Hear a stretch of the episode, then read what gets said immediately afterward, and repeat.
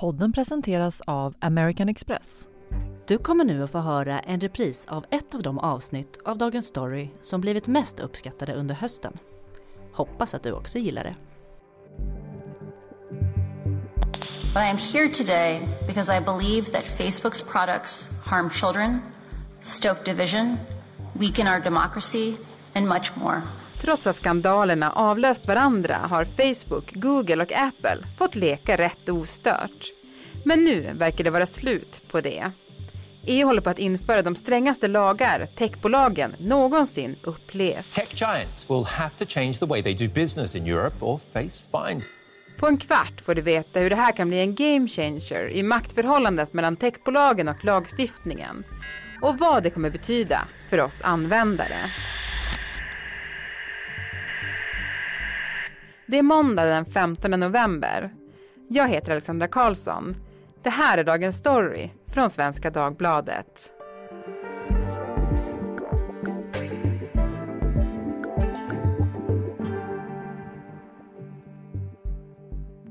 Erik Wisterberg, techreporter här på Svenska Dagbladet.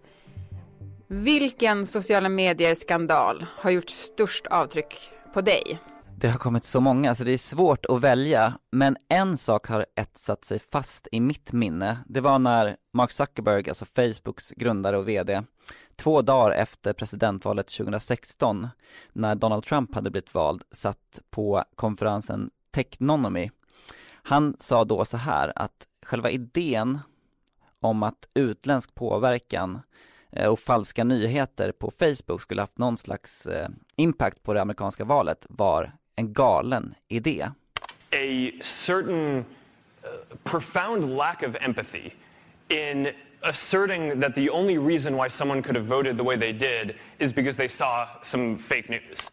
Och samtidigt som han satt och sa det, då jobbade Alex Deimos, säkerhetschefen på Facebook, med att eh, avtäcka ett stort nätverk av rysk valpåverkan. Så Alex Deimos själv satt ju och såg det där och undrade vad Mark Zuckerberg pratade om. Ett år senare så tvingades ju Facebook att erkänna att rysk valpropaganda hade nått långt över 100 miljoner amerikanska Facebook-användare. Så det är en sån sak som jag tycker säger så mycket om det bolaget och dess högsta chefs inställning till sin plattform. Men nu håller det på att röra sig lite grann för de här techbolagen. Bland annat tas det fram ny lagstiftning i EU då. Hur oroliga är techbolagen för det här? Ja, om man backar lite så har ju Margrethe Vestager, den eh, danska EU-kommissionären, eh, under många år blivit de här företagens allra största skräck. Hon har ju varit väldigt, väldigt tidig med att kritisera dem och säga att det behövs ny lagstiftning. This woman is trying to tame the tech giants. Margareta Vestager, the EU's infamous antitrust boss. EU vill ju nu ta i med hårdhandskarna mot techbolagen och gå före USA. Och man kan ju märka väl att det är just amerikanska bolag som kommer drabbas av lagstiftning från EU och det tror jag gör dem lite nervösa. Jag vet att de har ju folk som följer den här processen väldigt nära och också försöker påverka den såklart. Menar de lite grann också att det är för att det är just EU att de vill begränsa amerikanska företag? Finns det någon sån krydda i deras kritik? Ja, alltså man hör inte dem säga det offentligt så, men jag tror personligen att det kanske hade sett lite annorlunda ut om det var stora europeiska jättar som skulle regleras. Nu är det ju en, liksom ett hot som kommer utifrån som, som EUs ledare kan skydda medborgarna ifrån. if you're big, if you are powerful, you also have a special responsibility. And that will have to be described in a more granular way than we do these days. EU arbetar just nu med två nya lagar som kommer gå hårt åt techjättarna. Den ena kan man förenklat beskriva är spelregler för hur plattformarna till exempel ska få hantera olagligt innehåll, men också hur de ska öka transparensen i reklam och sina algoritmer. Den andra lagen riktar sig helt mot de allra största plattformarna, till exempel Facebook, Apple och Google. De ska till exempel inte få gynna sina egna produkter framför andras eller hindra konsumenter från att ta bort förinstallerade appar och mjukvara. Om techjättarna inte följer detta väntar kraftiga böter. När jag frågade dig här på redaktionen hur man skulle se då på det som händer just nu i den här frågan så kallade du det en game changer. Det är ju rätt stora ord.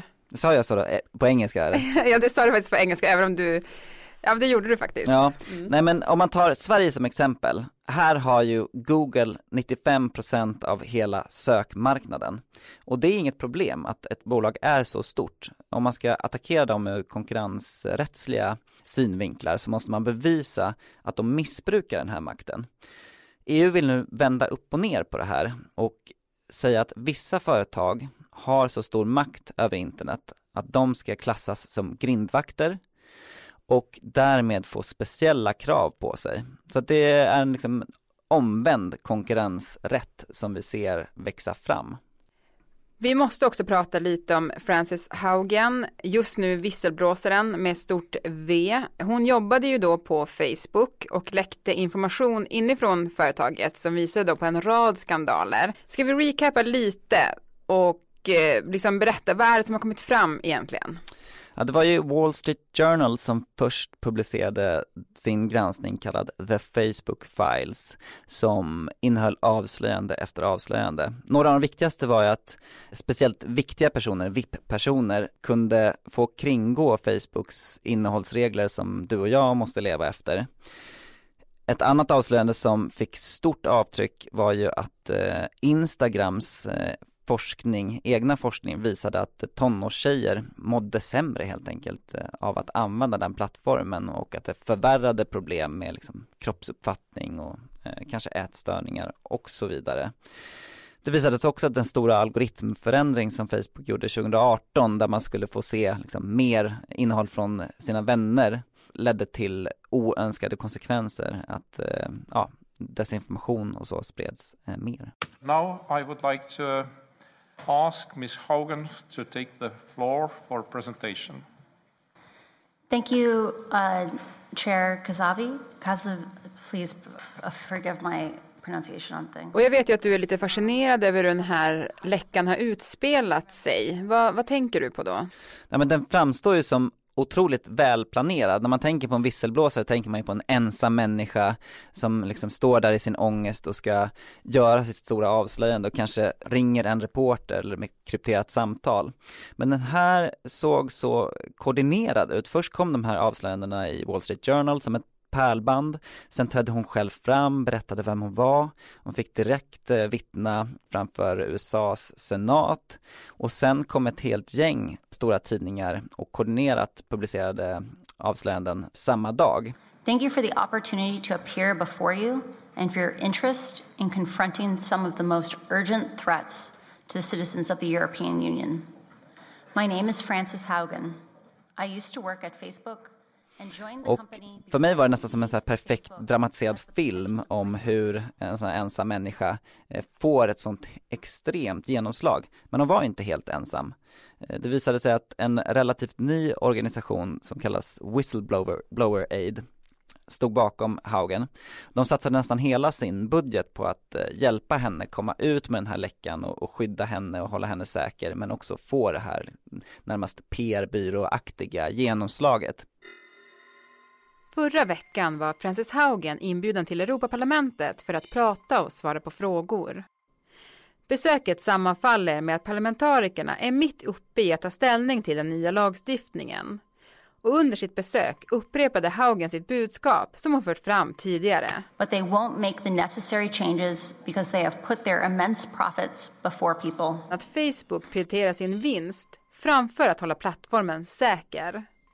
Och hon hade också flera uppmaningar till parlamentarikerna i salen. Hon sa ju att det här är en once in a generation opportunity eh, för de här parlamentarikerna att eh, se till att vi som bor här i EU får lagar som kan reglera techjättarna. Och eh, jag tänker att om man sitter och lyssnar på det där som parlamentariker som just håller på med de lagarna så eh, tänker man nog till eh, en gång extra. Hur stor betydelse har just hennes läcka och det som kommit fram ur den betytt för den här frågan? Jättarna från Silicon Valley har ju redan innan den här läckan gått från att vara något av vår tids hjältar, alltså superentreprenörer som nästan alla hyllar, till att bli något som kan liknas vid superskurkar, något som liksom alla gillar att hata på. Och den här läckan blir ju nästan perfekt ammunition för de som vill skjuta på de här bolagen och lagstifta dem. Jag tror också att hon har kommit fram som en väldigt resonerande, smart, eh, cool person som många eh, litar på och eh, också satt ett ansikte på de här problemen som många kanske har anat funnits inne på Facebook. Thank you, for an extraordinary testimony. You've done America a real public service, I oh, think. Thank you. This hearing is adjourned. Thank you. Ja, men de här lagförslagen håller man ju just nu då på att jobba med. Hur svårt är det för EU-länderna att komma överens här? Ja, den här EU-processen är ju eh, krånglig, men EU-kommissionen har ju lagt fram sitt förslag, nu ska parlamentet ta ställning till den och sen så ska det här jämkas mellan eh, rådet och EU-kommissionen och parlamentet. Och det finns tecken på att det kan blåsa upp till strid. Vissa i EU-parlamentet vill gå ännu längre. Det finns en koalition bestående av ett 20-tal parlamentariker som helt enkelt helt vill förbjuda skräddarsydd riktad eh, digital annonsering, alltså den som baseras på persondata. Ett väldigt radikalt förslag, men, men det, det är ju ett tecken på att det här kommer bli en dragkamp. Mark Zuckerberg has defended Facebook from accusations that it puts profits before user safety.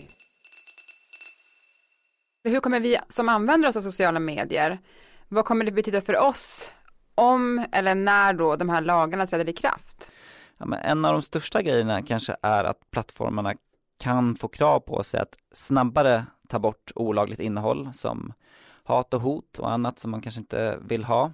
Det kanske också kommer bli en större transparens mot användarna kring hur ens persondata används för annonsering och också eh, motsatta perspektivet ska det bli lättare för dig och mig att förstå varför eh, innehåll som vi har publicerat kanske tas bort eller varför en profil eh, deaktiveras och så vidare. Men det kommer, det, är svårt att liksom sammanfatta allt här, det kommer vara ganska mycket.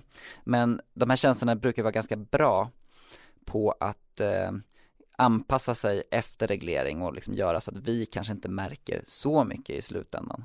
Ja men om vi ska ta vid lite där då, vi sa, eller jag sa ju det i början också att de här techbolagen har ju varit ute och kritiserat de här planerna.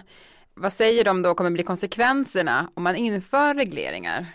Det vanligaste argumentet är ju att tjänsterna kan bli sämre. För att det är klart att vi gillar ju de här tjänsterna för att de är så bra på att förstå vilka vi är och att de kan använda en väldig massa data för att anpassa dem.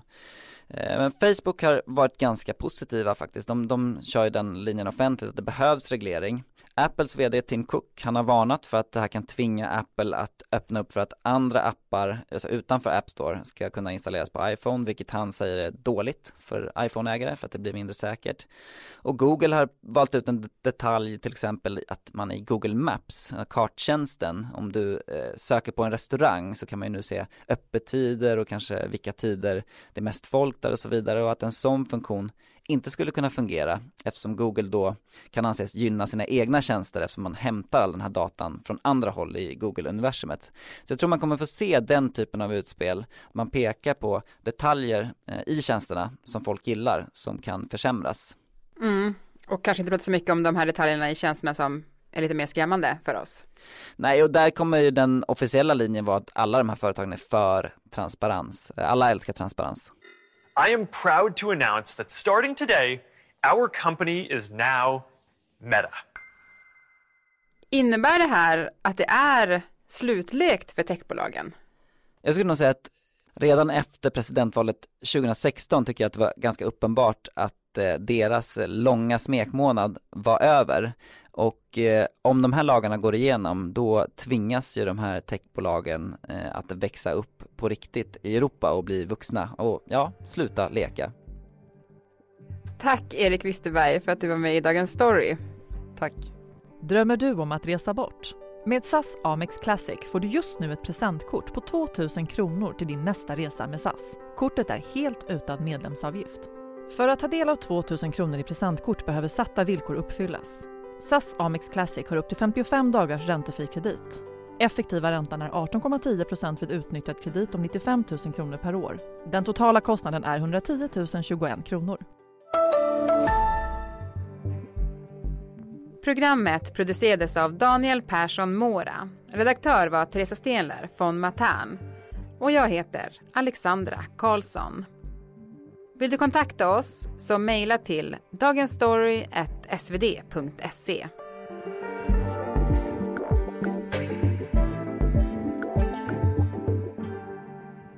Klippen idag kom från Euronews, Deutsche Welle, The Verge, CNBC, The Recount, Europaparlamentet och BBC. Du har lyssnat på en repris av Dagens Story. Under jul och nyår publicerar vi färre avsnitt än vanligt men den 10 januari är vi tillbaka igen som vanligt. 15 minuter varje vardag.